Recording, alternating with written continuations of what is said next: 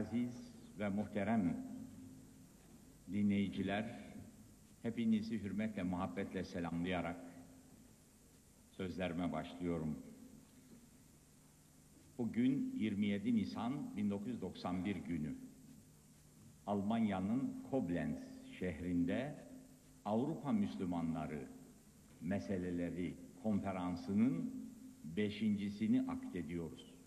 Sözlerime başlarken bu konferansın Batı Avrupa'da yaşayan 30 milyon Müslüman hepsi için hayırlı olmasını, yeryüzündeki bir buçuk milyar Müslümanın hepsine saadet getirmeye vesile olmasını, Batı Avrupa'da bulunan ve Müslüman olmayan kimselere, yeryüzündeki 6 milyar insanın hepsinin saadet ve selametine vesile olmasını diliyor.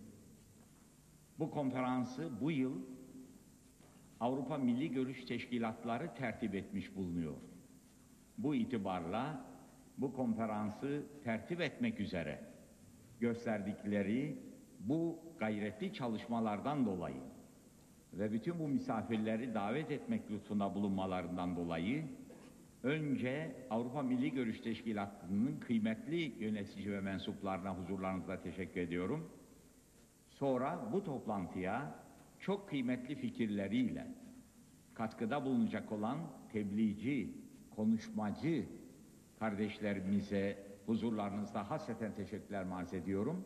Ve bu toplantıya katılmak lütfunda bulunan siz kardeşlerimize, hepinize ayrı ayrı teşekkürlerimi arz ediyorum.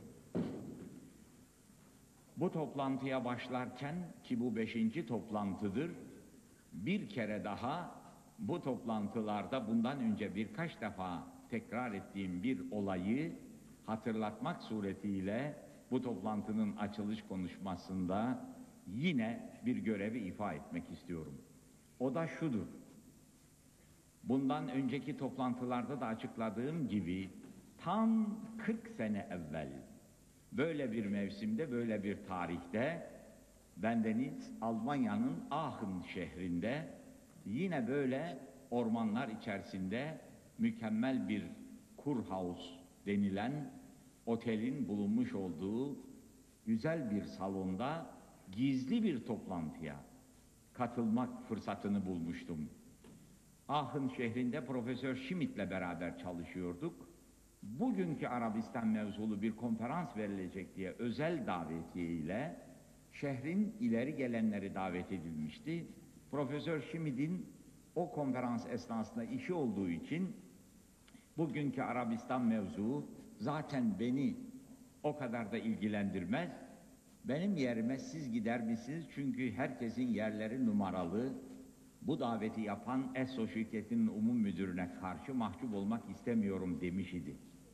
Onun bu arzusu ve ricası üzerine mahiyetinin ne olduğunu bilmeden bu gizli toplantıya gidip onun davetiye kartını gösterip masasına oturmak suretiyle 40 sene evvel yapılan bir gizli toplantıda bulunmuş.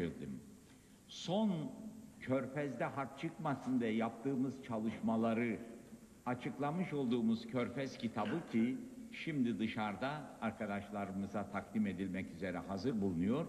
Bu Körfez kitabında da petrol çalışmaları dolayısıyla yine bu olayı hatırlamış idim ve kitabın içinde de bu arz edeceğim husus kısaca anlatılmış bulunmaktadır.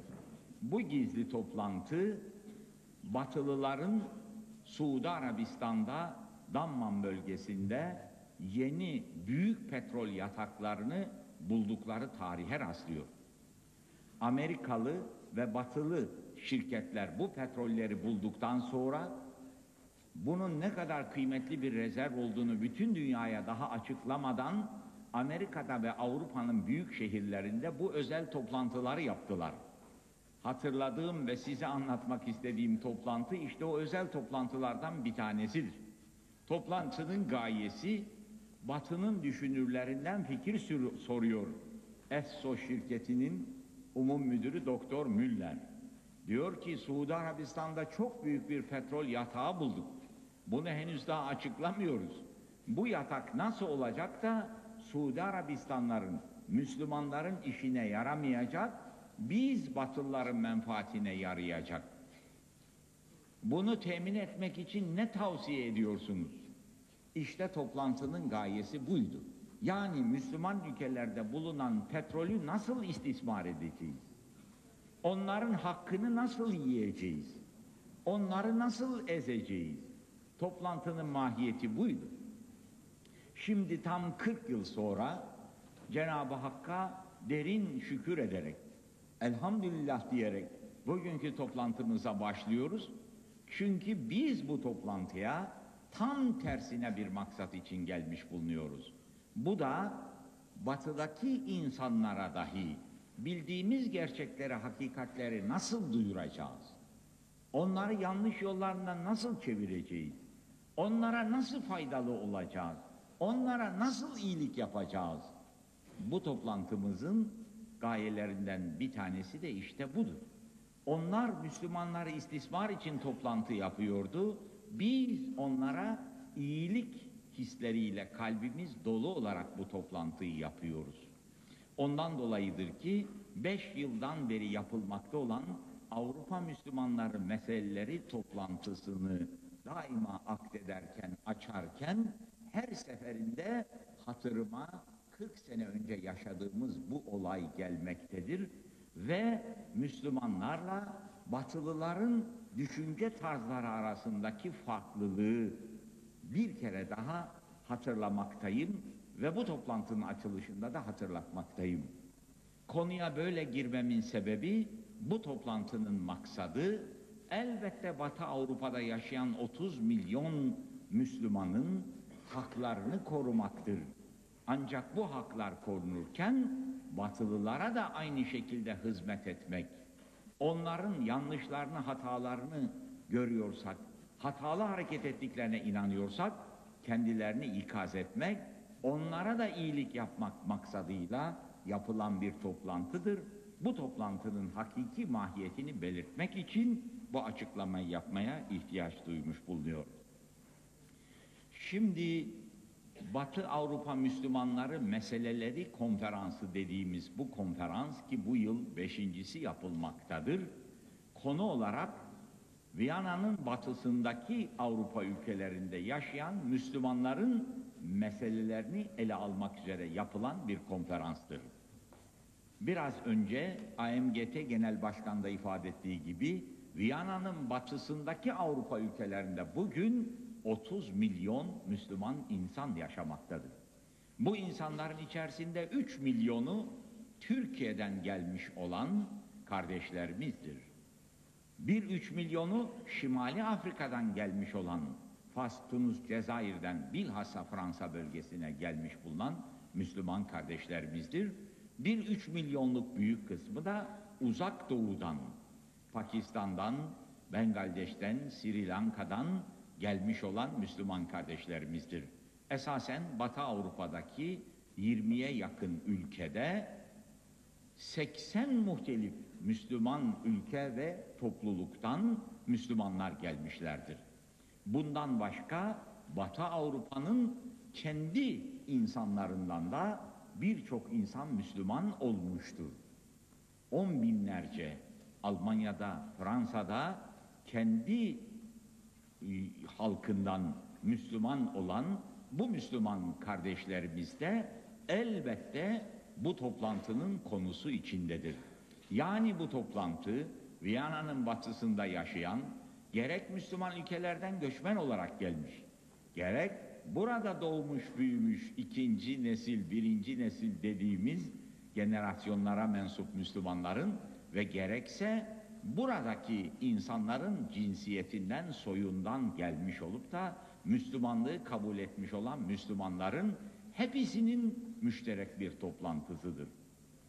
Bu konferansımızda Müslümanlara karşı yapılan haksızlıklar nelerdir? Kıymetli konuşmacılar bunları tebliğleriyle sunacaklardır. Ve bunlar da batılı yöneticilere takdim edilecek. Bak siz herkese insan hakkı tanıyoruz diyorsunuz ama iş Müslümanlara gelince onlara haksızlık yapıyorsunuz. Ve sonra nasıl olacak da bu batılılara Müslümanlık hakkındaki ön yargıları ortadan kaldırılacak, gerçekler duyurulacak. İşte bu konferansın ana konularından da birisi budur. İnşallah bütün tebliğlerle bu yolda elden gelen hizmet yapılır. Bir kere daha bu konferansın bütün Batı Avrupa Müslümanlarına, Batı Avrupa'da Müslüman olmadan yaşayan insanların hepsine ve bütün insanlığa hayırlı olmasını diliyorum. Cenab-ı Allah bu çalışmaları her yıl daha da hızlandırarak nasip etsin ve insanlığın saadetinin en hayırlı basamakları yapsın. Allah hepinizden razı olsun. Esselamu Aleyküm. Masında 20 yılı aşkın zamandır geceyi gündüze katarak gayret sarf eden eski Başbakan Yardımcısı Refah Partisi Genel Başkanı Profesör Doktor Necmettin Erbakan Beyefendi'yi kapanış konuşmasını yapmak üzere kürsüye davet ediyorum. Buyurun.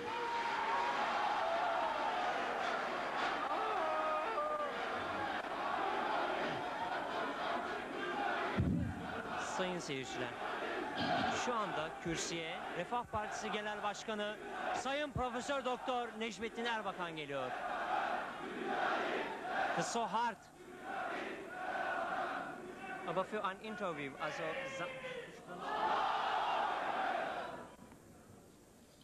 Euzu billahi mineşşeytanirracim. Bismillahirrahmanirrahim.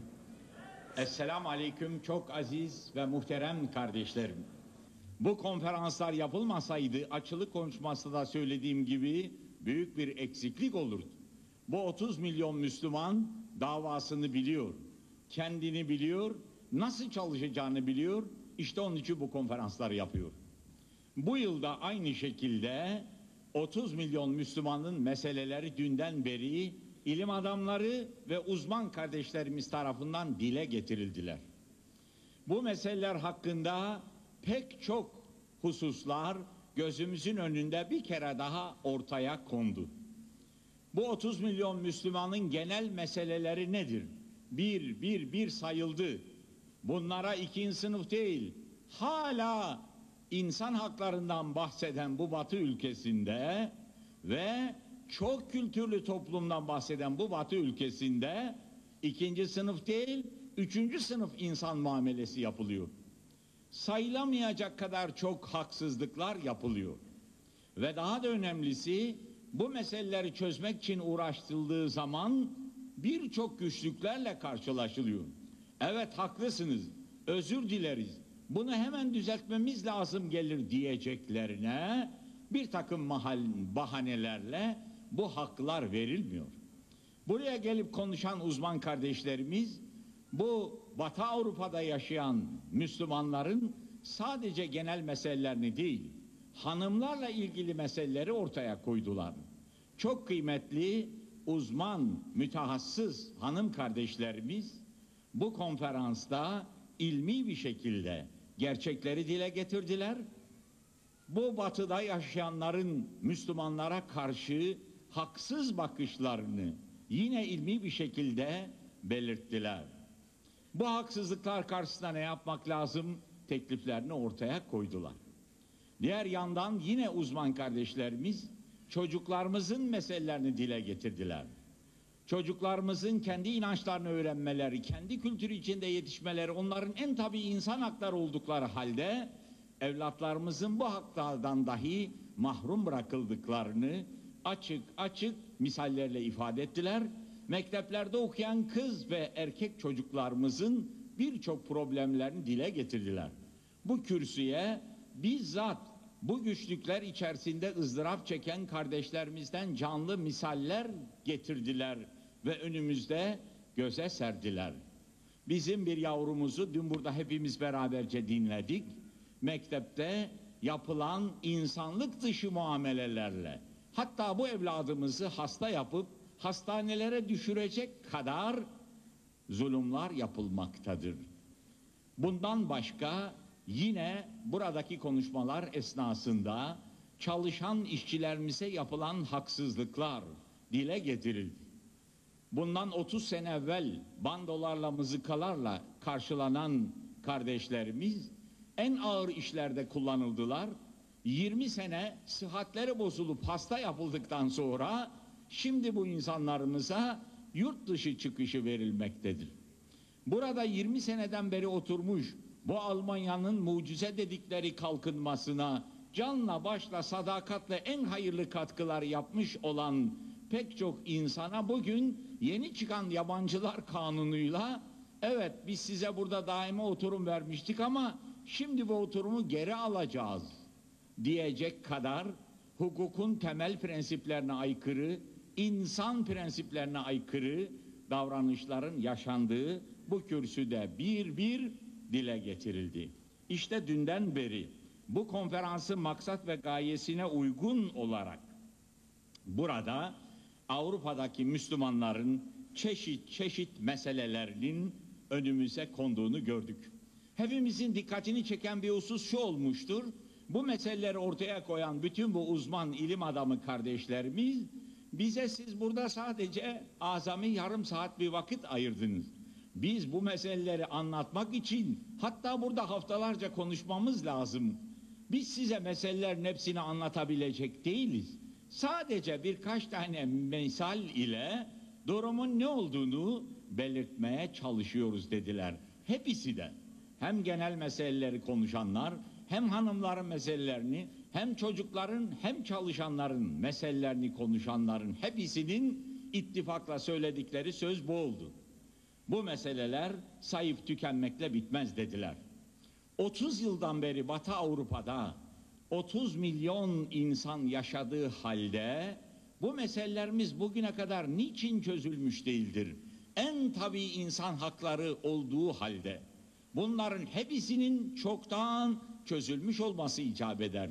Sadece çözülmekle kalmıyor, aynı zamanda çözmek için uğraşıldığı zaman karşılaşılan güçlükler de apaçık önümüze konmuştur. Mesela insanların en tabii hakkı olan bir ibadethane yapacaklar. Ahında bir cami yapılacak.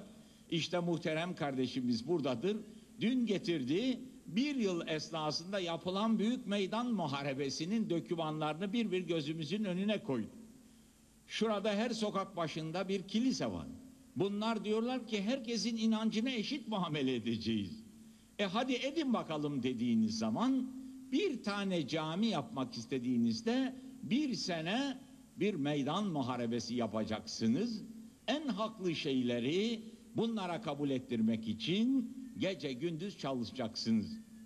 İşte önümüzdeki gerçekler bunlardır. Şikayetler, haksızlıklar ve dertler.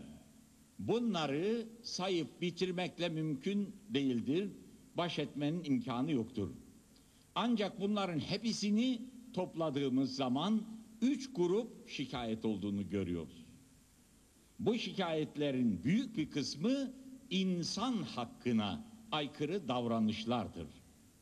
Burada yaşayan 30 milyona insan hakkı verilmiyor. Bu batıda yaşayan Avrupalılar her konuşmalarında insan hakkını ağızlarından düşürmezler. Ama hadi bakalım dediğiniz zaman çifte standart kullanıyorlar. Müslümanlara karşı maalesef insan haklarını tanımıyorlar. Üçüncü sınıf insan muamelesi yapıyorlar ve bir kıymetli arkadaşımız çok önemli bir sözü hatırlattı. Biz dışarıdan iş gücü istemiştik. Halbuki karşımıza insanlar geldi diyor 30 sene sonra. Bu gelenlerin insan olduğunu ancak 30 sene sonra gözleri görüyor ve yine de insan haklarını vermiyor. İkinci bir grup şikayetlere gelince bu şikayetler Müslümanlık hakkında yapılan haksız propagandalar, ön yargılarla ilgilidir. Gerçekler dile getirilmiyor. Tam tersine İslam dini, Müslümanların gerçek niyetleri bunların hepsi bir kenara bırakılarak bir takım ön yargılarla haksız propagandalar yapılıyor ve böylece de tabii buradaki Müslümanlar mutazarrır ediliyorlar. Buradaki Müslümanlara bu şekilde de zulüm yapılmış oluyor. Bir üçüncü kısım şikayet ise bu 30 milyon Müslümanın burada insan haklarını almak ve bütün bu propagandaları ortadan kaldırmak için çalışmak istiyor buradaki Müslümanlar.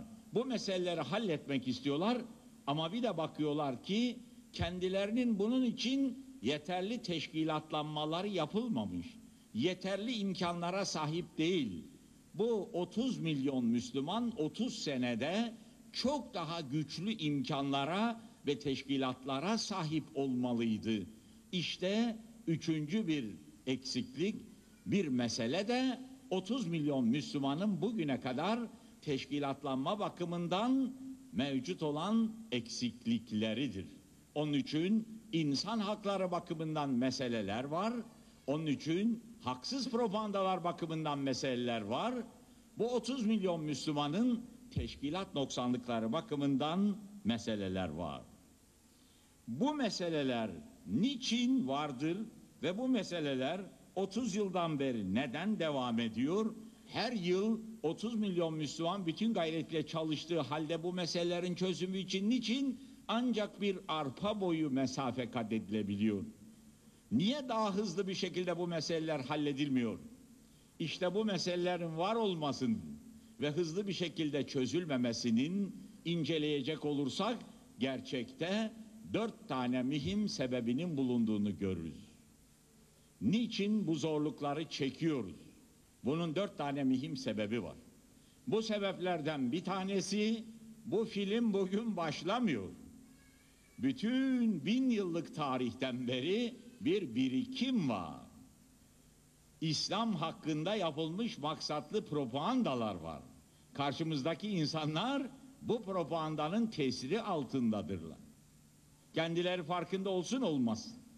Onun için önemli konulardan bir tanesi bu bin yıllık birikim nasıl halledilecek, nasıl çözülecek? İkinci bir sebebe gelince bu da bu batıda yaşayan insanların sahip oldukları kültürün kuvveti üstün tutan bir kültür olması, Müslümanlığın ise hakkı üstün tutan bir kültür olması. Ve bu batıda yaşayan insanlar kuvveti üstün tutan Siyonizmin, emperyalizmin maksatlı propagandaların etkisi altında bulunmaktadır. Mesela Ahın camisi için bir yıl her türlü haksızlığı yaptıktan sonra dönüp diyorlar ki biz bu iddialarımızdan vazgeçtik. E niye yaptınız öyleyse? Ne yaptıklarını bilmiyorlar. Bir akıntının, bir propagandanın tesiri altındalar. Bunların kendileri de. Bu propagandayı yapan kim? Emperyalizm, Siyonizm.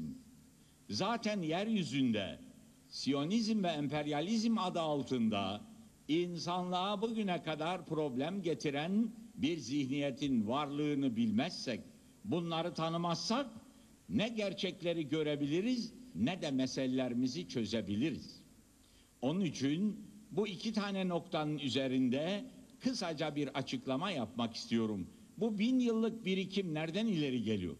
Hepimiz biliyoruz ki Müslümanlık 7. miladi asırda doğmuştur. Yani Efendimiz Aleyhisselatü Vesselam gelmiş, 622'de hicret yapılmış, Medine'de ilk İslam devleti kurulmuş ve bütün insanlığa bir saadet nizamı tanıtılmıştır. Asırlar boyu insanlık Müslümanlığın nuruyla aydınlandı. Saadet içerisinde yaşadı. Müslümanlık bir asırın içerisinde Arabistan'dan Orta Asya'ya kadar bir yandan yayıldı.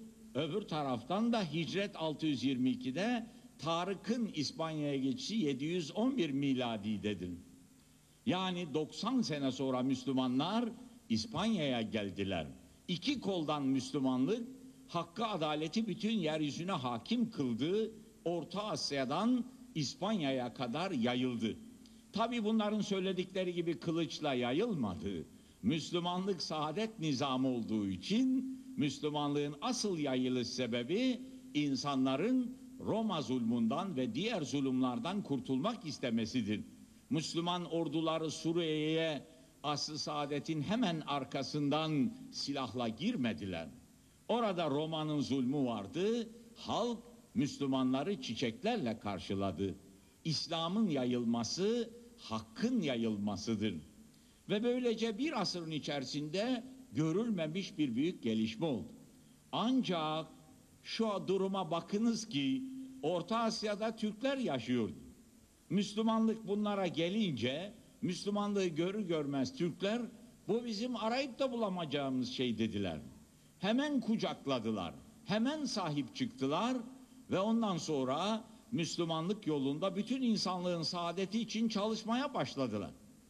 Buna mukabil batıya geldiğimiz zaman İspanya'ya Müslümanlık geldiğinde bu Batı Avrupa'da yaşayan insanlar o günkü kilisenin etkisi altında bulunduğu için Müslümanlığı ne olduğunu anlayıp aynen Türkler gibi bu ne güzel şey bizim de Müslüman olmamız lazımdır diyeceklerine o günkü Engizisyon kilisesinin tesiriyle hemen Müslümanlık aleyhine propagandalar başladı. Ve o günden itibaren hemen Haçlı seferleri başlatıldı. Müslümanlığın nimetinden istifade edeceklerine Müslümanlığı yok etmek istediler. İşte böylece bin yıldan beri aslında hak ve batıl çarpışmaktadır. Bugün de ne yazık ki batıdaki bu insanlar böyle bir yanlış kültürün bu bin yıllık birikimin tesiri altındadırlar. Bu noktada kendilerine seslenip şu gerçekleri duyurmak isteriz. Bakınız firavunlar insanlara zulüm yaparken biz zulüm yapıyoruz bu bizim hakkımızdır diye yapmadılar. Ya biz haklı hareket ediyoruz bu yaptığımız asıl haktır dediler. Peki hataları neydi? Hak dedikleri şeyin batıl oluşuydu, zulüm oluşuydu. Çünkü firavunların inanışına göre hak dört sebepten çıkıyor. Birisi onlar kuvveti hak sebebi sayıyor. Hemen şunu bilelim ki bugünkü batının kültür kökü eski Roma'dır. Eski Roma'nın kültür kökü eski Yunan'dır. Eski Yunan'ın kültür kökü eski Mısır'dır. Yani firavunlara gidiyor. Bunlar da aynı kültürün etkisi altındadırlar. Eğer Batı kültürün tesisindeki insanlarla konuşursanız biraz sonra bakarsınız ki aa bunlar kuvveti hak sebebi sayıyor. Mesela bir Bush. Tabii efendim ben gemi bulundururum körfezde diyor. Niçin? E oradaki petrolde benim menfaatim var. Benim kuvvetim var. Yoksa ezerim, bombalarım diyor. Kuvvetini hak sebebi sayıyor. Bir Panama'ya saldırıyor, bir Nikaragua'ya saldırıyor, bir Libya'yı bombalıyor. Niçin? Düşüncesinde yanlışlık var. Yanlış bir kültürle yetişmişler. Bunlar kuvveti hak sebebi sayıyorlar. Halbuki kuvvet hak sebebi olmaz. Eğer kuvvet hak sebebi olsaydı hep filler haklı olurdu. İkinci bir inanışları çoğunluğu hak sebebi sayıyorlar. Çoğunluk bizde diyor. E ne yapalım? Bir yerde çoğunluk olması demek azınlığın haklarının çiğnenmesi demek değildir ki. Çoğunluk hak sebebi olmaz. Eğer çoğunluk hak sebebi olsaydı bütün insanların bugün ineğe tapmaları lazım gelirdi. Çünkü Hindistan'da 700 milyon insan ineğe tapıyor. Yoldan bir inek geçti mi hepsi selam duruyor. Ama bu ne ifade eder? Bu hiçbir şey ifade etmez. Bu yanlış bir inanıştır. Çoğunluk hak sebebi olamaz. Yine bu batı kültüründe menfaat hak sebebi sayılıyor. Benim menfaatim var diyor. E ne yapalım senin menfaatinden bize ne? Menfaatini hak sebebi sayıyor. Menfaat hak sebebi olamaz. Yine bunların inanışında imtiyaz diye bir şey kabul ediyorlar ve imtiyazı hak sebebi sayıyor. Mesela Firavunlar biz Firavunuz diyor.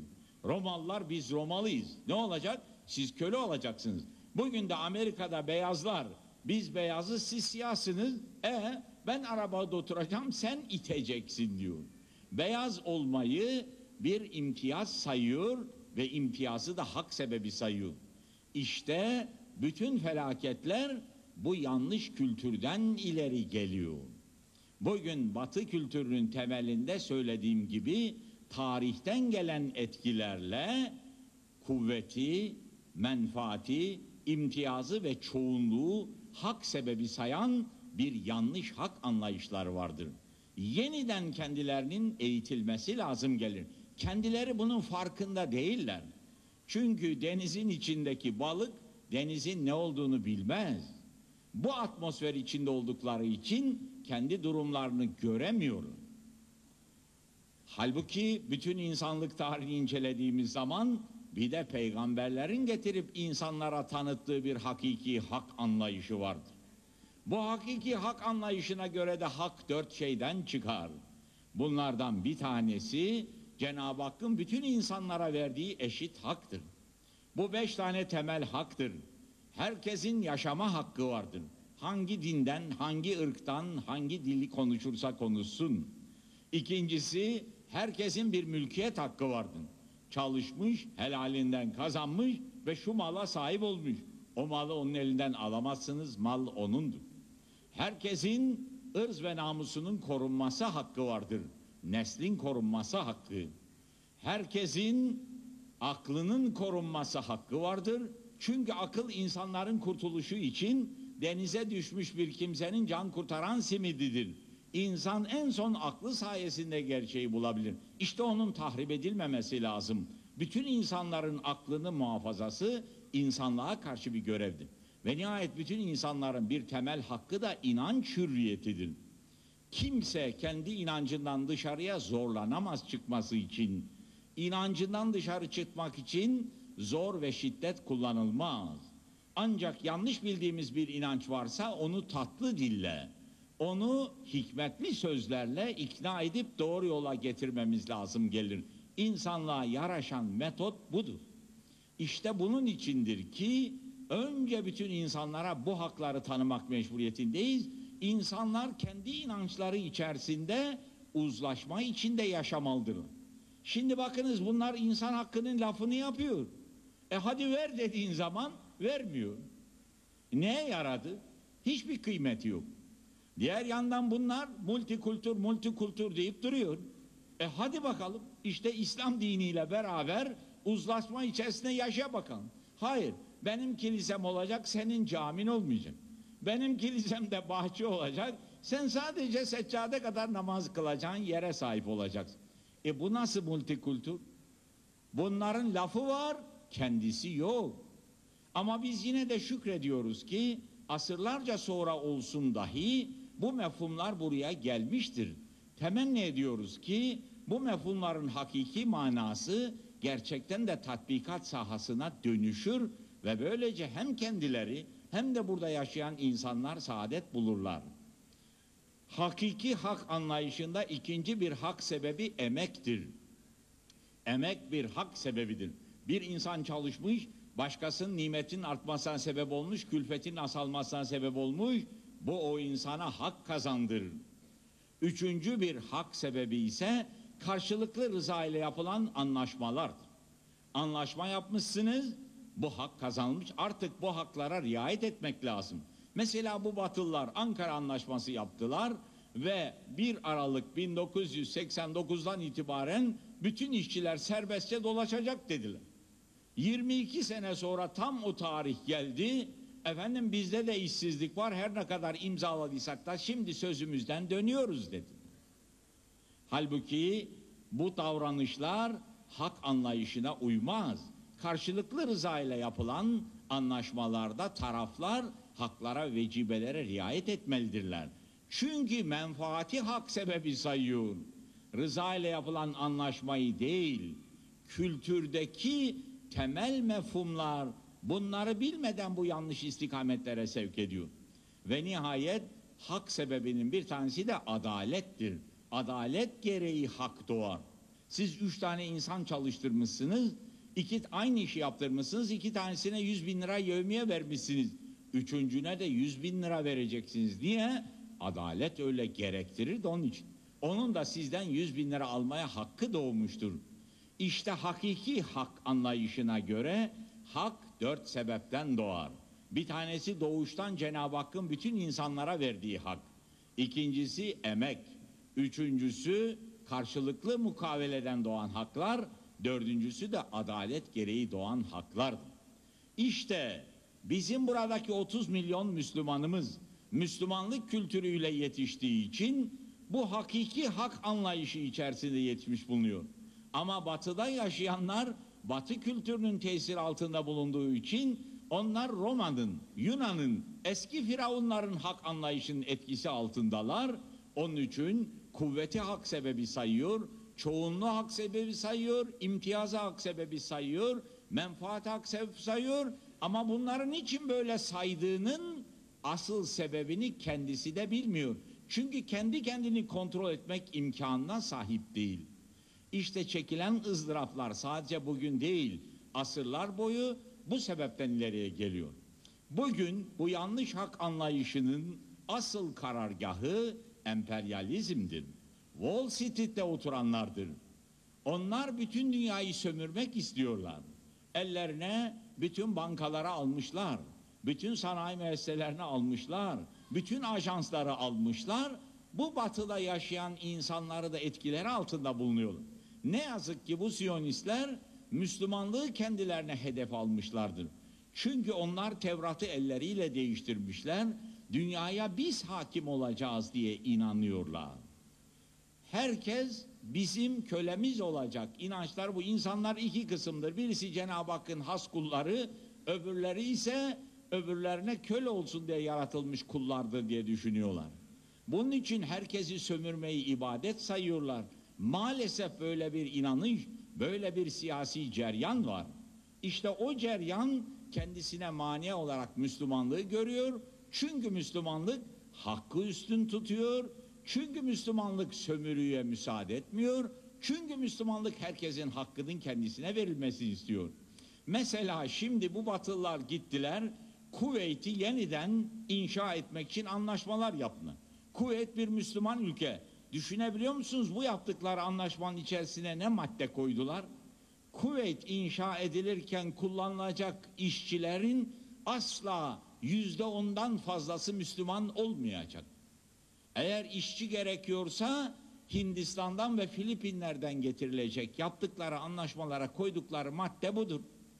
E şimdi Amerikalı, İngiliz, Fransız iş adamlarının kendi inancına göre Müslümanlık da bir yabancı inanç, Hinduluk da Filipin'in inancı da bir yabancı inanç. Hepsine karşı eşit muamele yapması lazım. Hayır. Hinduyu, Filipinliyi kendine akraba sayıyor, Müslümanlığı yabancı sayıyor. Niçin? Çünkü Müslümanlık hakkı üstün tutuyor. Çünkü Müslümanlık sömürüye müsaade etmiyor. Halbuki emperyalizm ben herkesi sömüreceğim, bu Müslümanlığı ortadan kaldırayım ki hedefime ulaşayım diye düşünüyor. İşte o emperyalizm, işte eline bu imkanları geçirmiş olan kaynaklar ajanslarla, gazetelerle, mecmualarla öyle neşriyat yapıyor ki bu Batı Avrupa'daki insanlar bu neşriyatın etkisinde altında kalıyor. Müslümanlığı terörizm diye göstermeye kalkıyor. Halbuki Müslümanlık adı üzerinde İslam kelimesi silim, barış demek. Müslümanlığın adı bile barış. Müslümanlık selamet demek, herkese saadet demek. Dünyada bu kadar ters davranış olabilir mi? İşte emperyalizmin öyle bir propaganda gücü var ki akı kara, karayı ak gösteriyor. Bunları da etkiliyor. Bunları yapıyorlar. Sonra bir müddet geçtiği zaman yaptıkları şeyin haksızlığını görüyor. Geri dönmeye razıyım diyor. İşte Ahın camisinde dün anlatılan olay bunun açık bir misalidir. Peki madem öyle neden bu mücadeleyi yaptın? Bak senin bu kadar kilisen var. Herkese eşit muamele edeceğim diyorsun. Bırak Müslümanlar da bir cami yapsınlar. Bu kadar basit bir meseleyi bile bu açıkladığım sebepler ve etkilerden dolayı maalesef mesele haline getiriyor. Ne açıklamaya çalışıyorum? Bu zorluklarımızın temelinde ne var? İki tanesini açıklamaya çalıştım. Birisi tarihi birikim. Bin yıldan beri maalesef Müslümanlığı Batılılar tanımadılar. Hep Müslümanlığa karşı davrandılar. Haçlı seferleri yaptılar. Onun ulvi prensiplerinden faydalanacağına onu ortadan kaldırmaya yöneldiler. Bu hatalı davranış günümüze kadar gelmiştir. İkincisi de emperyalizmin kendi maksatlarına uygun propagandalarının tesiri altında kalıyorlar, gerçekleri açıkça göremiyor.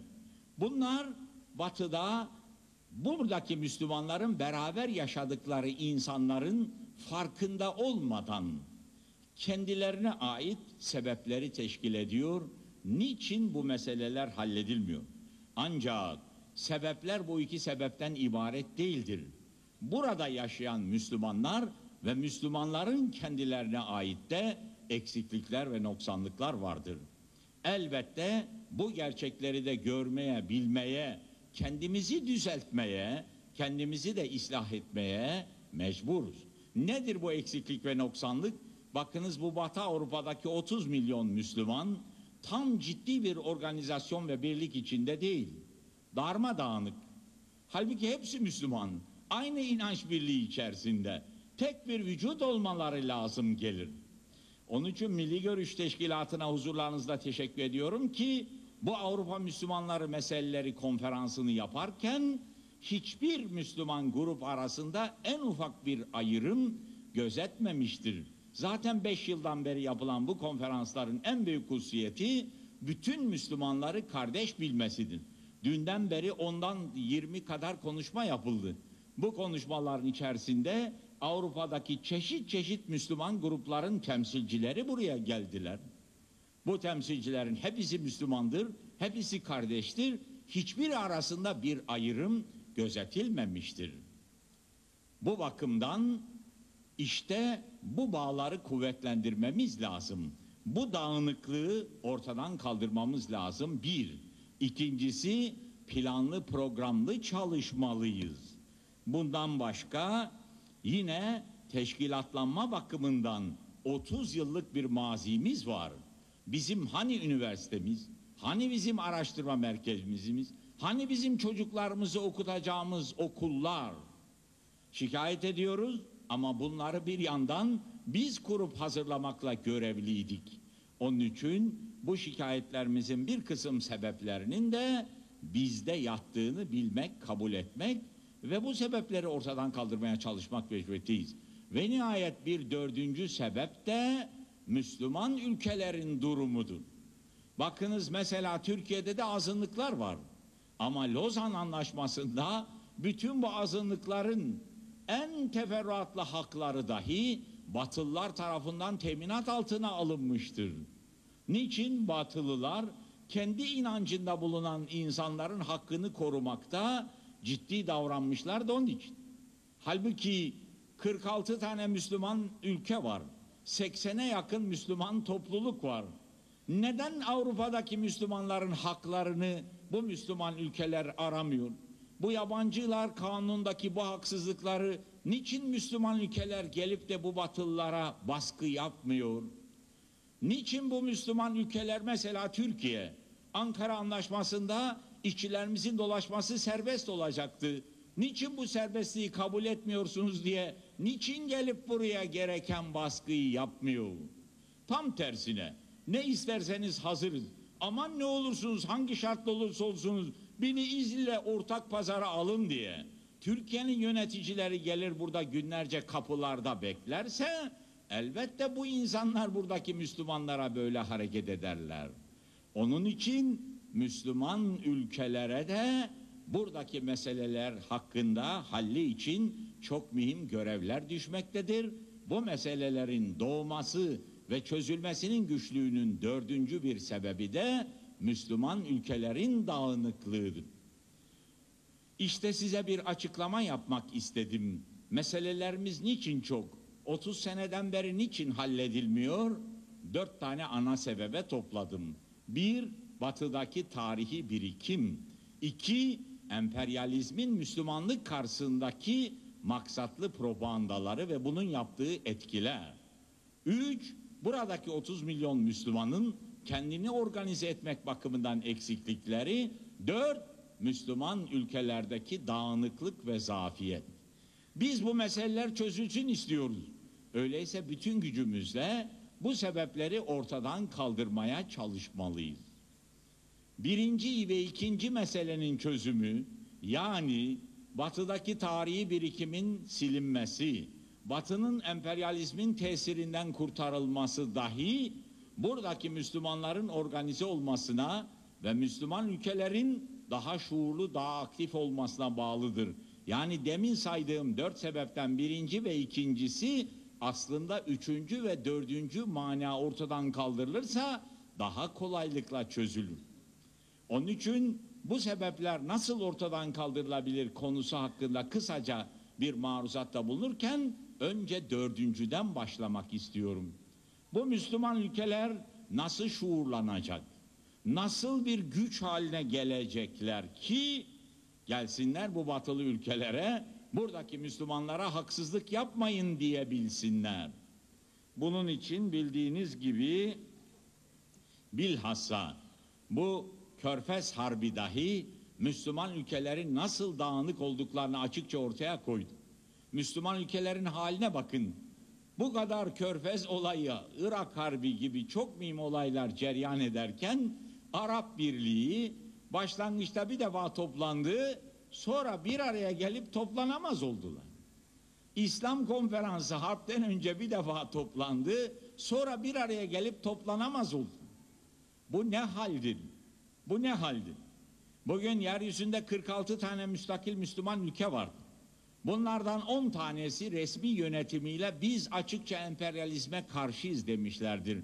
Bu Körfez Harbi de bunu açıkça göstermiştir.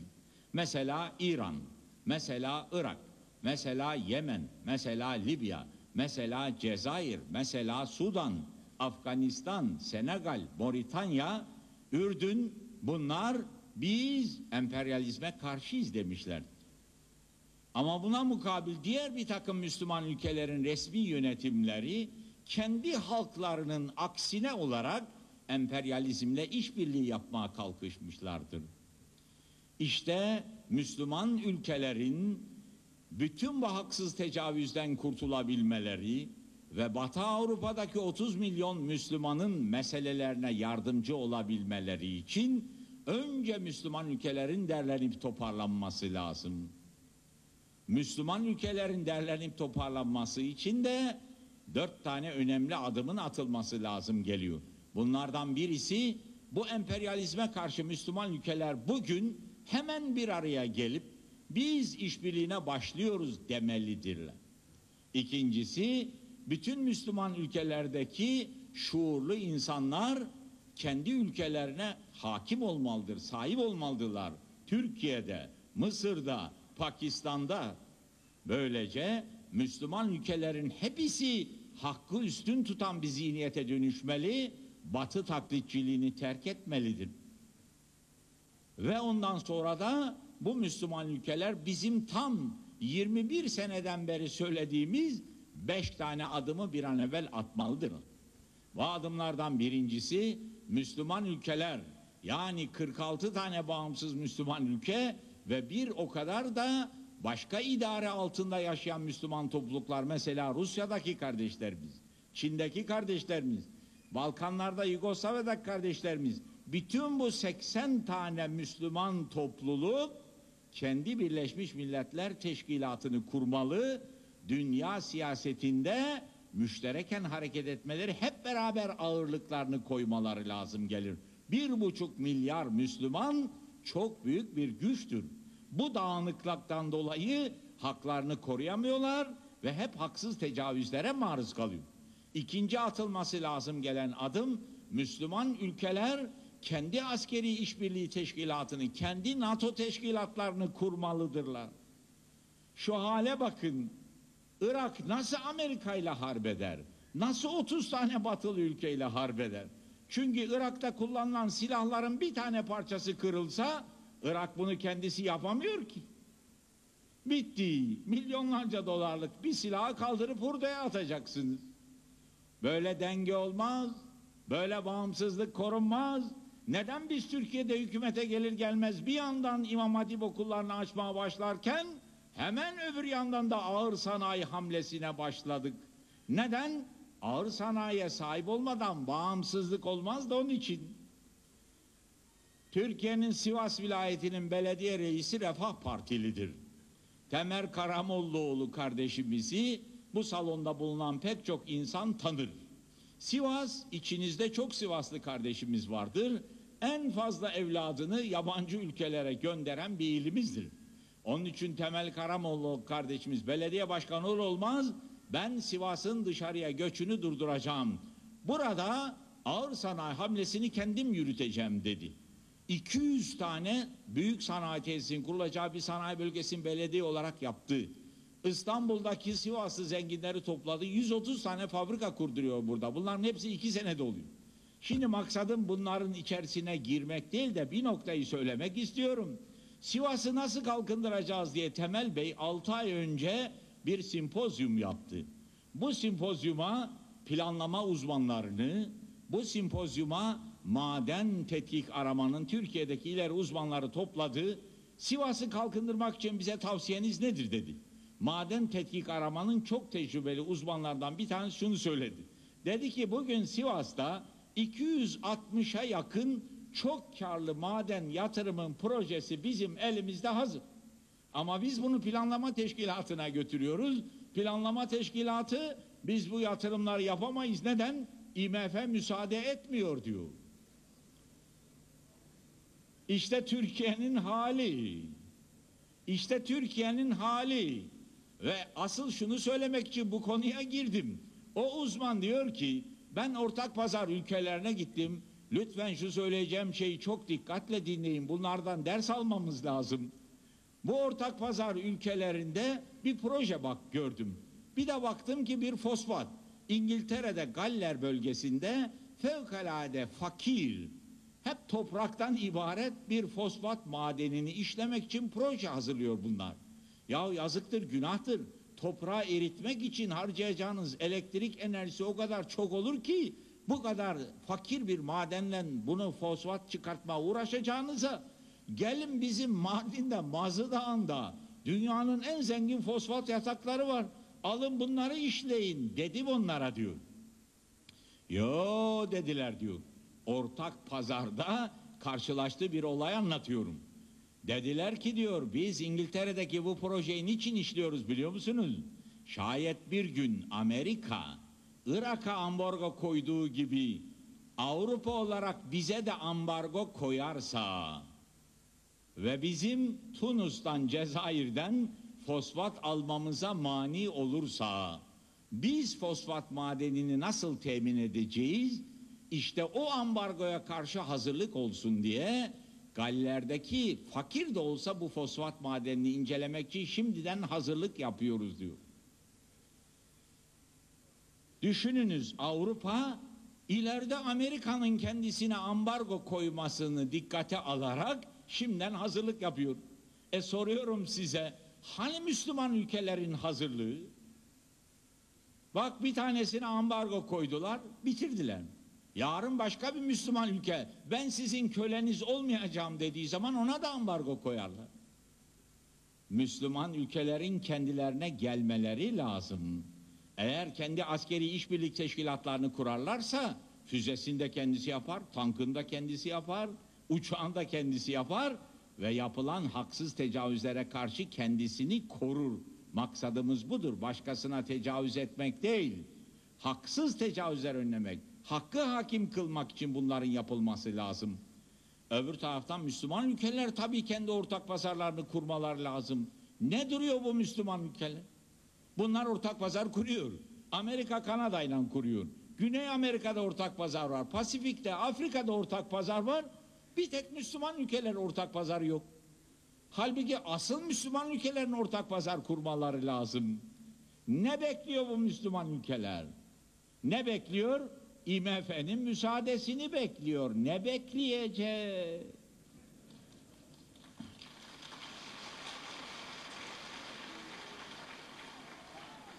Ne konuşuyoruz?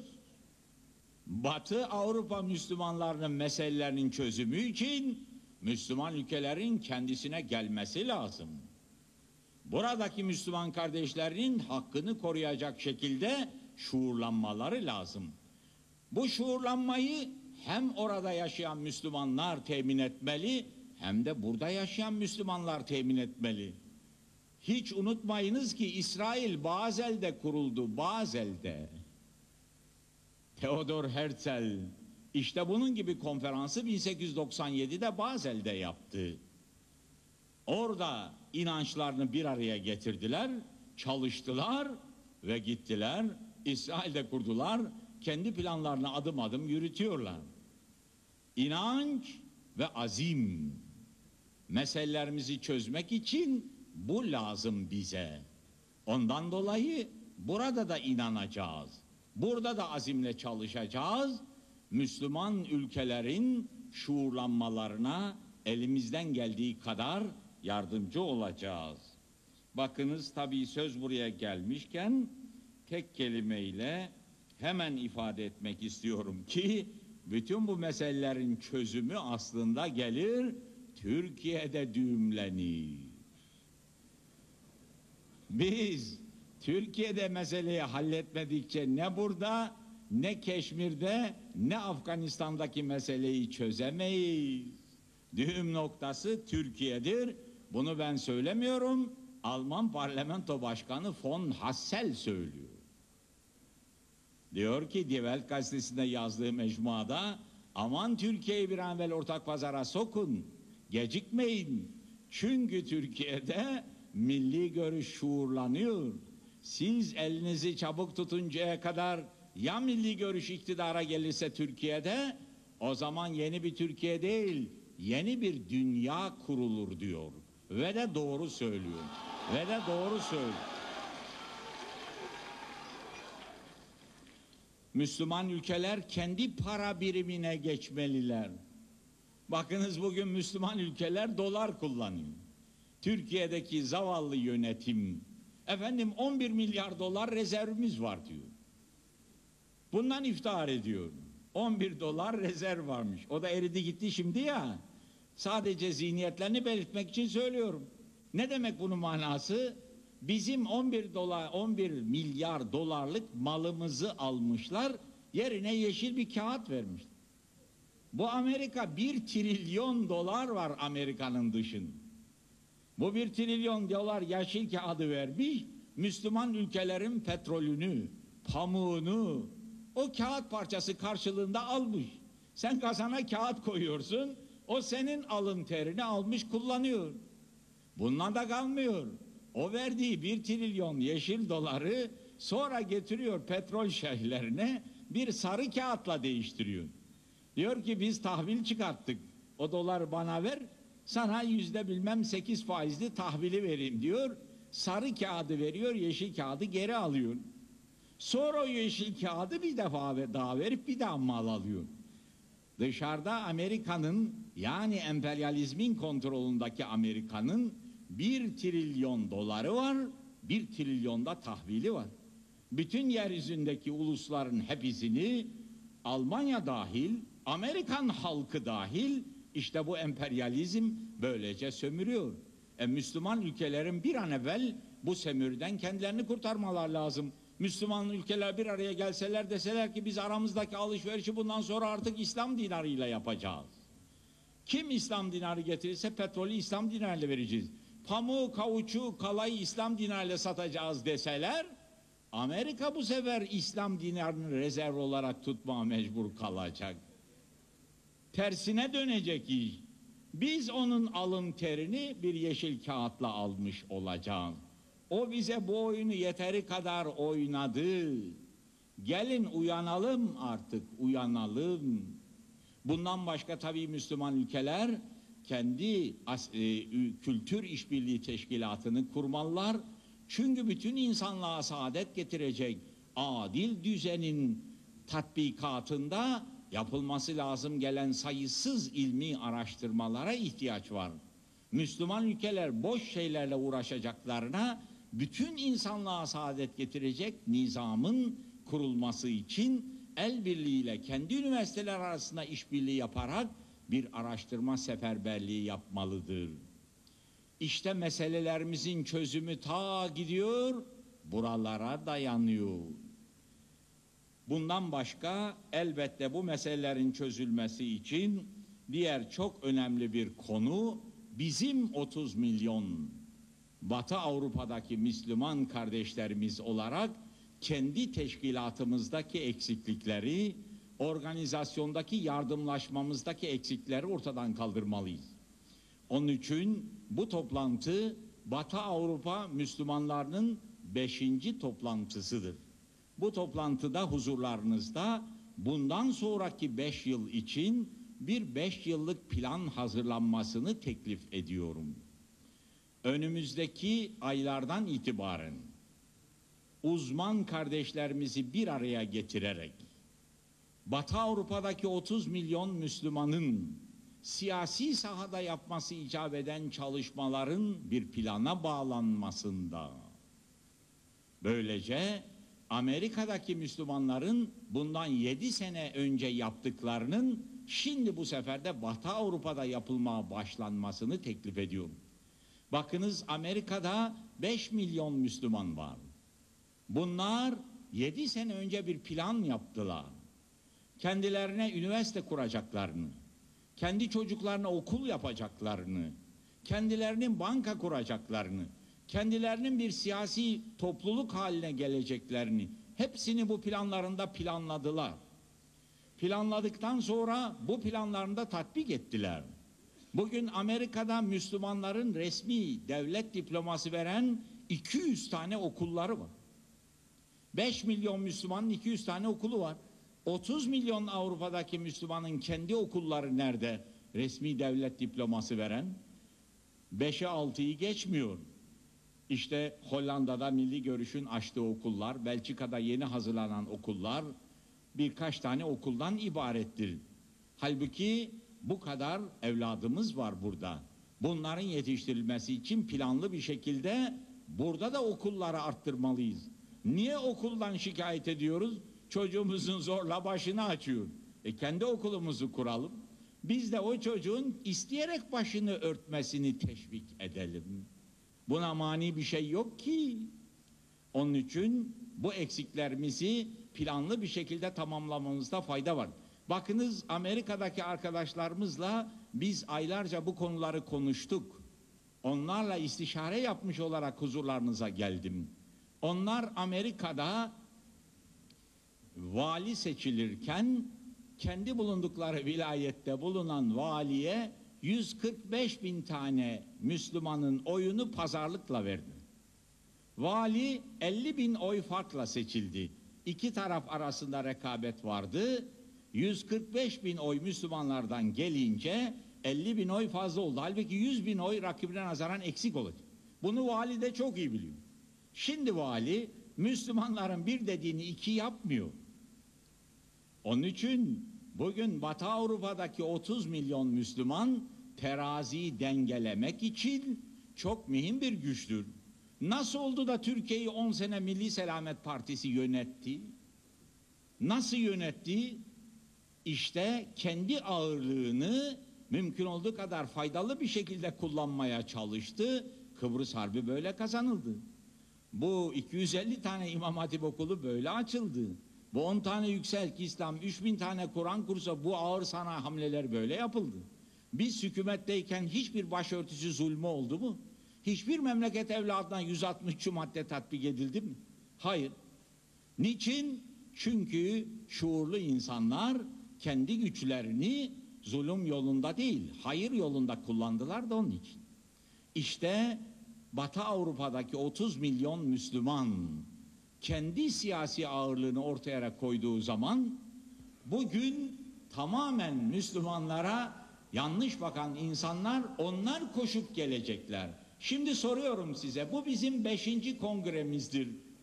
Bu kongremizde neden bir Alman devlet adamı yok? Bütün Batı Avrupa'daki Müslümanların hepsi aralıklar aralarındaki ayrılıkları bırakarak el birliğiyle çalışması suretiyle hep beraber müştereken hazırlanacak bir planın tatbikatına geçelim ve batıda yaşayanlarla aramızdaki diyaloğu, onların iyiliğini istediğimizi, aramızdaki insanlık münasebetlerini geliştirmek hususunda da tanıtma sahasında, diyalog sahasında daha verimli programlar yapalım.